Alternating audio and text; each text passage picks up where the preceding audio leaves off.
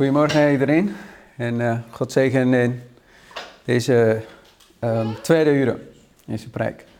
Het thema van, uh, de titel van mijn thema vandaag is van bedelaar tot prins.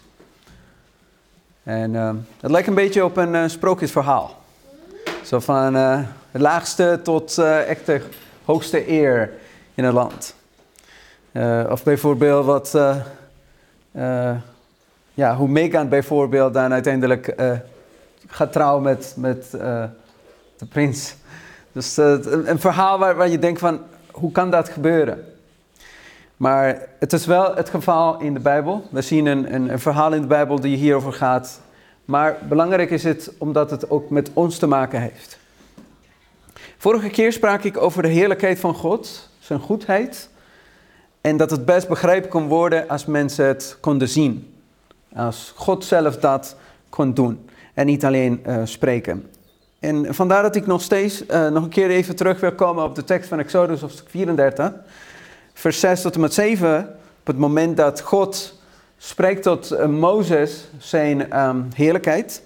Hij zegt, toen de Heer bij hem voorbij kwam, riep hij, Heere, Heere God, barmhartig en genadig, geduldig en rijk aan goedertierigheid en trouw die goedertierigheid blijft bewijzen aan duizenden. Die ongerechtigheid of vertredingen en zonde vergeeft, maar die de schuldige zeker niet voor onschuldig houdt en de ongerechtigheid van de vaders vergeldt aan de kinderen en kleinkinderen tot in het derde en vierde geslacht. In deze tekst kunnen we vinden dat God zich. Um, uh, in deze tekst kunnen we zien de, een van de eigenschappen van God. En dat is uh, barmhartigheid van God. Um, en dit is een onderwerp van ons vandaag, om over de barmhartigheid te spreken en hoe God het ook aan de mens kan laten zien. In uh, deze citaat van Zuster White staat, I may know him, barmhartigheid is een attribuut dat de mens kan delen met God. De samenwerking met hem. Barmhartigheid is vriendelijkheid, medelevend. Barmhartigheid impliceert de onvolmaaktheid van het object waarop het wordt geschonken. Vanwege de onvolmaaktheid van de mens werd barmhartigheid in actief leven gebracht. Dus barmhartigheid is het tonen van mededogen met mensen die het moeilijk hebben. Is dat um, barmhartig zijn, die zich het, het betekent zich ontfermen over de medemensen uh, in daad en in ondersteuning uh, in alles wat de andere persoon zeg maar nodig heeft. Vandaag wil ik uh, barmhartigheid, barmhartigheid van God behandelen in een verhaal van de Bijbel. En dat is het, het, het verhaal van de zoon van een prins. Maar daarvoor wil ik lezen deze tekst van Matthäus hoofdstuk 5 vers 7. Die zegt, zalig zijn de barmhartigen, want aan hen zal barmhartigheid bewezen worden. Um, en dit, verhaal vinden wij in 2 Samuel, hoofdstuk 9, 1 tot en met 13. Misschien kennen jullie dit, uh, dit verhaal van Mephibozet. Um, maar het is interessant hoe uh, David uh, um, in dit geval, in dit verhaal, ook de rol van, of een voorbeeld is van wat God ook voor ons als de mensen doet. David zei, is er nog iemand die, in over, die overgebleven is van het huis van Saul, zodat ik hem goedentierigheid kan bewijzen omwille van Jonathan? Het huis van Saul nu had een dienaar van wie de naam Siba was. Zij riepen hem bij David. En de koning zei tegen hem, bent u Siba? En hij zei, uw dienaar. De koning zei, is er soms nog iemand van het huis van Saul, zodat ik de goedentierigheid van God aan hem kan bewijzen. Toen zei Siba tegen de koning, er is nog één zoon van Jonathan, die aan beide voeten verlamd is. De koning zei tegen hem, waar is hij?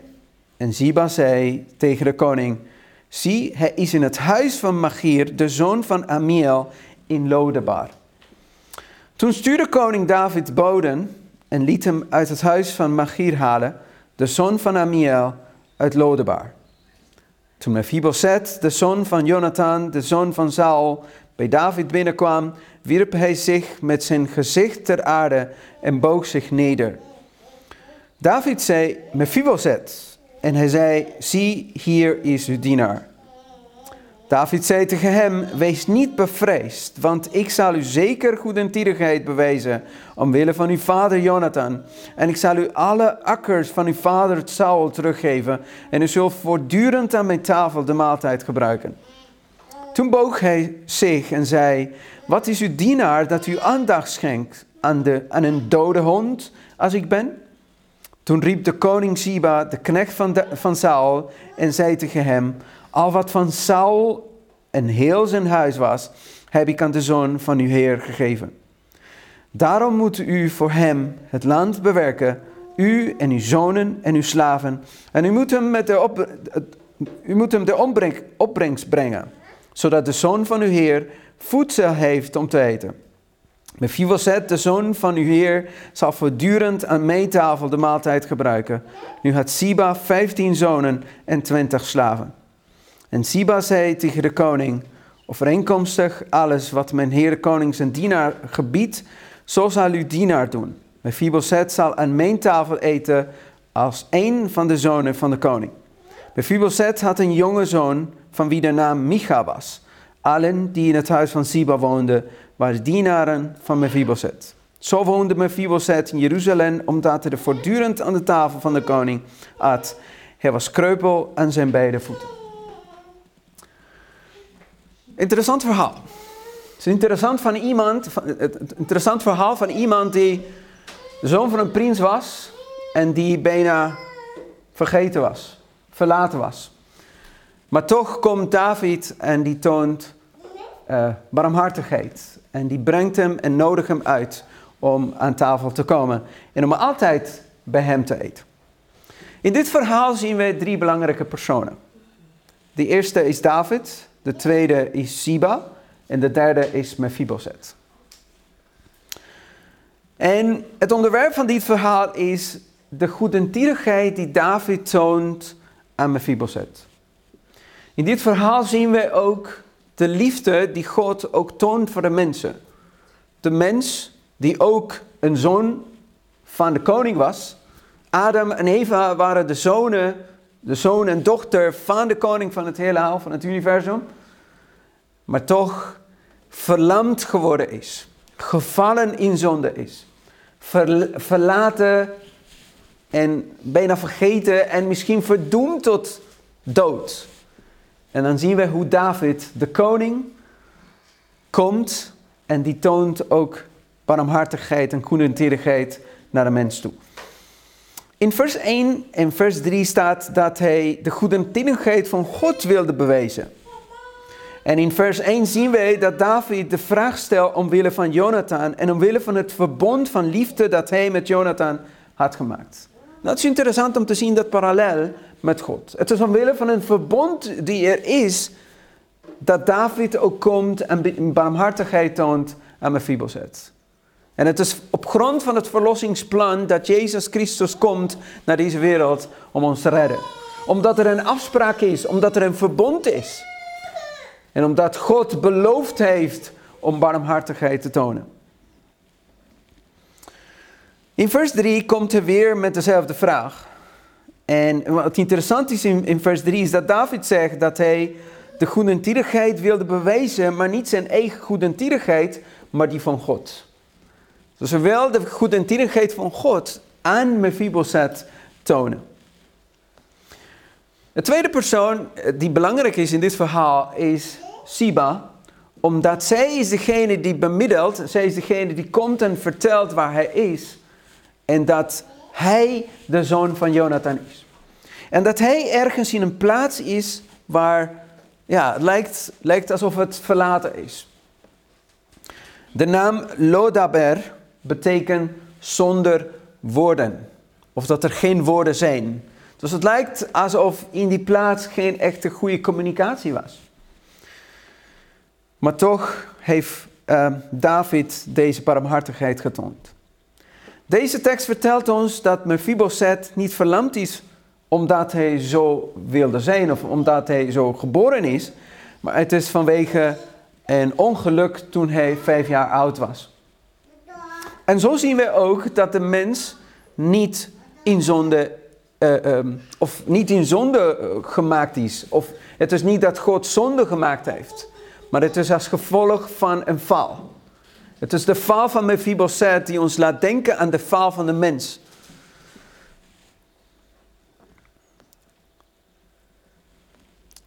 Um, interessant ook aan de, aan de betekenis van de naam um, van Mephibosheth is, um, het, het, bestaat uit drie woorden. Het eerste woord is rand, uh, en dat is uh, fi. De tweede is beschaam zijn of schamen. En het derde heeft te maken met uh, de geslachtsdelen van een man. Dus het, het, het, is een beetje uh, met schaamte wordt het hier deze persoon, zeg maar, van schaamte worden genomen om tot een prins te kunnen worden. En ook de plaats waar hij was. Vele commentatoren denken en geloven dat Mephibosheth ook zelf een bedelaar was.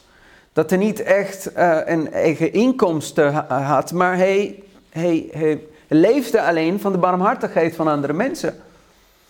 En dat voor een zoon van een prins was best vernederend. Om te weten dat je vader een prins bent en toch leef je van, van, van wat andere mensen je kunnen geven. Maar toch zien wij hoe David denkt aan dit verbond. En interessant, David had dat kunnen vergeten. Saul was een vijand van hem. En David had kunnen zeggen van, nou ja, goed, Maakt me niet uit. Ik heb nu een positie. Ik hoef niet eraan te, aan hem te denken. Maar hij, hij denkt aan hem en hij zoekt hem. Zoals God ook ons heeft gezocht. Dezelfde manier hoe hij begint te vragen of er iemand is van het huis van Jonathan van Saul. Laat ons denken ook aan hoe God uh, zoekt de mens en komt om de mens te kunnen redden.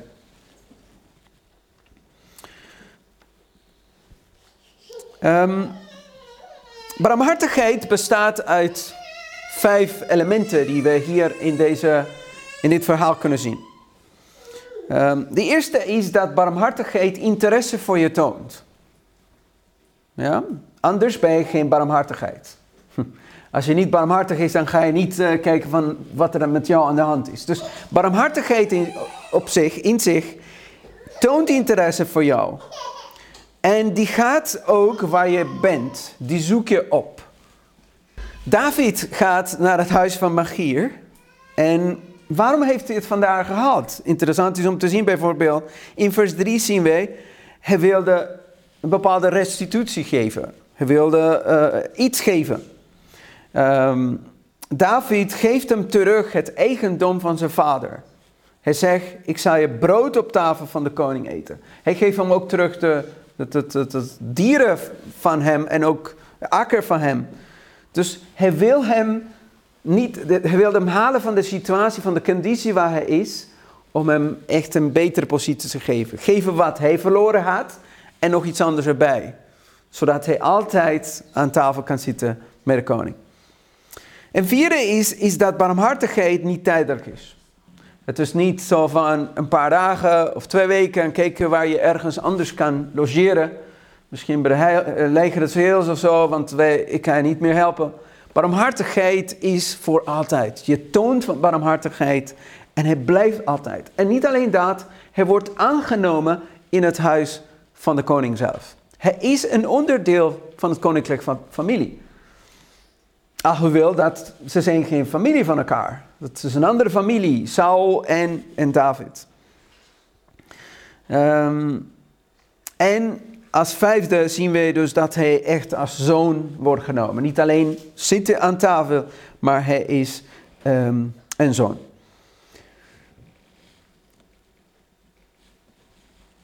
Interessant is ook om te zien in de barmhartigheid van God um, hoe we dit kunnen ontvangen. We kunnen ook leren dat uh, Mephibosheth was bang omdat hij dacht dat de koning hem zou doden. Omdat Saul vijandig tegenover David was. Ehm, en dat was ook een gewoonte in de tijd om de kinderen van de, de andere koning of een vijand, uh, vijand dan te doden, zodat zij niet zo, zouden opstaan en je koninkrijk zouden nemen. Maar dat heeft David niet gedaan. Uh, de huidige koning zou alle rivalen doden om zijn troon te bevestigen. Dat was de gewoonte. Maar we zien een liefdesverbond die er tussen, David en Mephibosheth stond. En David had Jonathan beloofd dat hij dat, uh, dat de barmhartigheid zou tonen aan, aan hem. Laten we even nu kijken naar de houding van Mephibosheth tegenover de koning. Uh, toen Mephibosheth, de zoon van Jonathan, de zoon van Saul, bij David kwam, wierp hij zich met zijn gezicht ter aarde en boog zich neer. Dat staat in vers 6. En wat zegt Mephibosheth tegenover de koning? Ik ben een, ik ben, ik ben een, een, een hond, zegt hij. Maar hier ben ik als een dienaar. Hij zegt, ik ben een dode hond. Dus dan zien we ook, de houding hier is een les voor ons als wij naar God toe komen. Niet omdat God ons barmhartigheid getoond heeft, niet omdat God ons genade heeft getoond, wil zeggen dat wij Hem eisen om ons te geven omdat wij zijn kinderen zijn. Maar de houding laat ons zien dat wij ook naar God toe gaan met nederigheid. En het is in, in, deze houding dat wij kunnen zien hoe de gerechtigheid van God kan werken in ons. Het is pas wanneer wij ons, onze nietigheid, uh, onze, ons, dat, dat we helemaal niks zijn, beseffen dat God voor ons kan werken. Dat God zijn geest in ons kan, kan, kan schenken. En dat God ons kan veranderen. Um, dus de barmhartigheid van God, om de barmhartigheid van God te mogen ontvangen, dan hebben we deze houding nodig. Ik wil een tekst lezen in Spreuken, hoofdstuk 28, vers 13. Die zegt, wie zijn overtredingen bedekt, zal niet voorspoedig zijn. Maar wie ze beleidt en nalaat, zal barmhartigheid verkrijgen.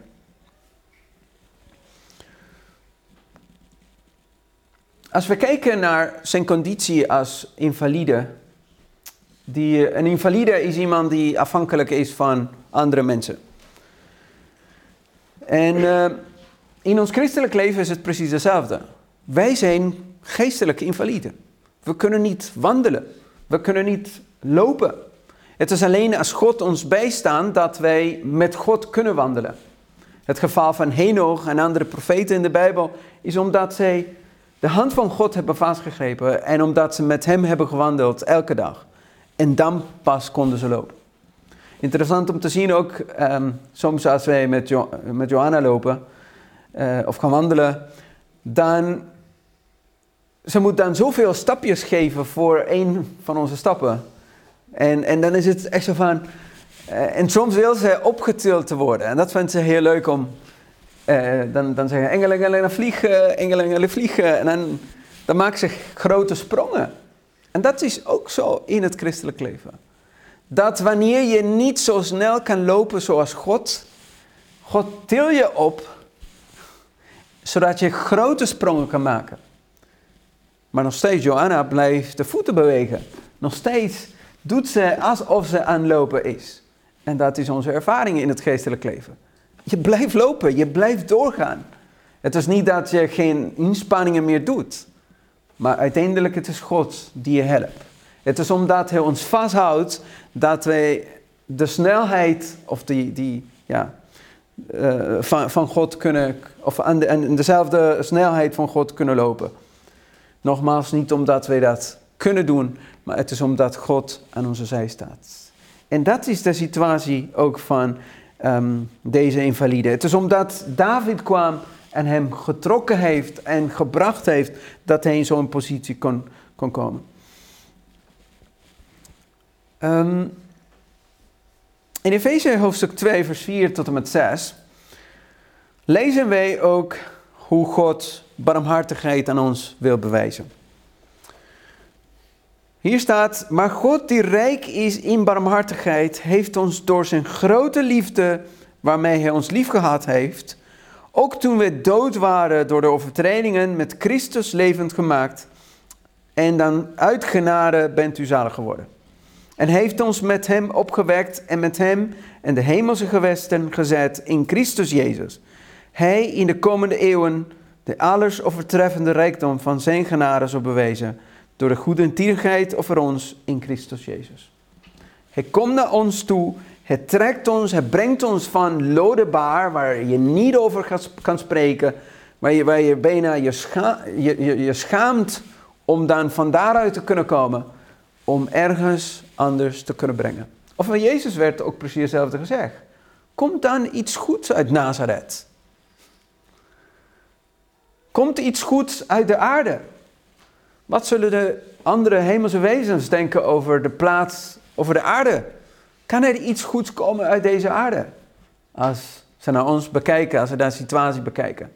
Maar toch zien ze hoe enkele en vele ook door God en met God hebben gewandeld en trouw zijn geweest.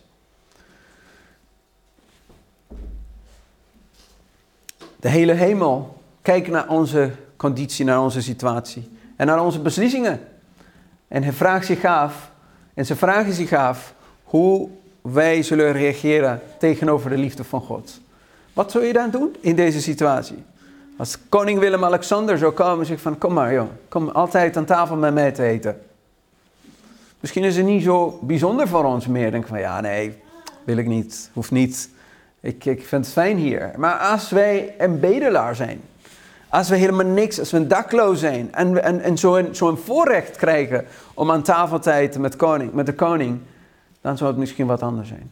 En dit is niet zomaar een koning die, die, die men dan vertrouwen in heeft, verloren of zo. Het is echt de koning van het heelal. En hij geeft ons alles, alles uh, aan ons. Hij heeft ons lief gehad. Hij heeft ons leven gegeven. Hij heeft ons opgewekt. Hij heeft ons doen nederzetten in de hemelse gewesten, staat het in deze tekst. Um, we komen nogmaals tot de conclusie dat God ons barmhartigheid wil bewijzen. Dat Hij belangstelling voor ons heeft getoond. Dat Hij naar ons toegekomen is. Dat Hij een van ons geworden is. En Hij wil restitutie maken voor wat verloren is. Hij wil ons brengen naar het verloren paradijs. Interessant is dat Jezus aan de deur klopt van onze harten. Hij komt en hij vraagt, waar is Mephibosheth? Ben, ben je daar? Wil je, wil met mij komen? Wil je aan tafel komen? De tekst zegt, ik sta aan de deur en ik klop. Als iemand mijn stem hoort en de deur opent, zal ik bij hem binnenkomen en de maaltijd met hem gebruiken en hij met mij. Andere tekst van, uh, van Romeinen, hoofdstuk 8, vers 16 en 17. En, die zegt, de geest zelf getuigt met onze geest dat we kinderen van God zijn. Dan zien we wat de hemel doet voor ons, zodat wij gered kunnen worden. Wat een eer om aan tafel bij de koning te zitten en door hem uh, verschoond te worden. Want dat is eigenlijk wat God met ons doet. Hij geeft ons een nieuw kleid van gerechtigheid. Niet iedereen wil door zo'n belangrijk persoon zoals God verschoond te worden. En, maar dat is wat God doet. Hij maakt ons schoon, hij reinigt ons. Um, en we denken misschien dat we niet waar zijn. Um, maar dat is wat God dan voor ons doet. Ik hoop dat als we denken aan dit verhaal van uh, Mephibosheth, wie hij was, wat zijn naam betekent. Van de rand is een van de betekenissen van zijn naam van een rand van de schaamte komt hij tot de andere rand. Komt hij tot de andere uiterste. Um, waarom? Omdat iemand barmhartigheid getoond heeft. Omdat God... Um, en als wij Mephibosheth zijn, weten we dat wij altijd afhankelijk zijn van iemand anders. En dat is de realiteit in de hemel. Adam en Eva waren afhankelijk van de boom des levens om eeuwigheid te kunnen hebben. En voor eeuwigheid zullen wij ook afhankelijk zijn van de boom des levens en contact met God om voor eeuwigheid te kunnen zijn. Met Hem te kunnen zijn. Maar toch wil God ons verhogen naar de hoogste positie. Ik wens dat iedereen van ons de barmhartigheid van God mag ervaren. Dat jullie ook een ervaring, een persoonlijke ervaring met God mogen maken. Dat je kan beseffen en nadenken over wat het betekent, wat Jezus voor ons heeft gedaan. En dat ons hart zacht wordt. En onze hart kunnen openmaken, openstellen voor Hem. Zodat Hij bij ons uh, kan zijn en met ons uh, altijd aan tafel kan zitten. Want dit is wat deze tekst zegt. Hij wil bij ons komen en een maaltijd met ons gebruiken. Zoals ook de koning dat zij uh, aan um, Mephibosheth. Is mijn wens en gebed. Amen.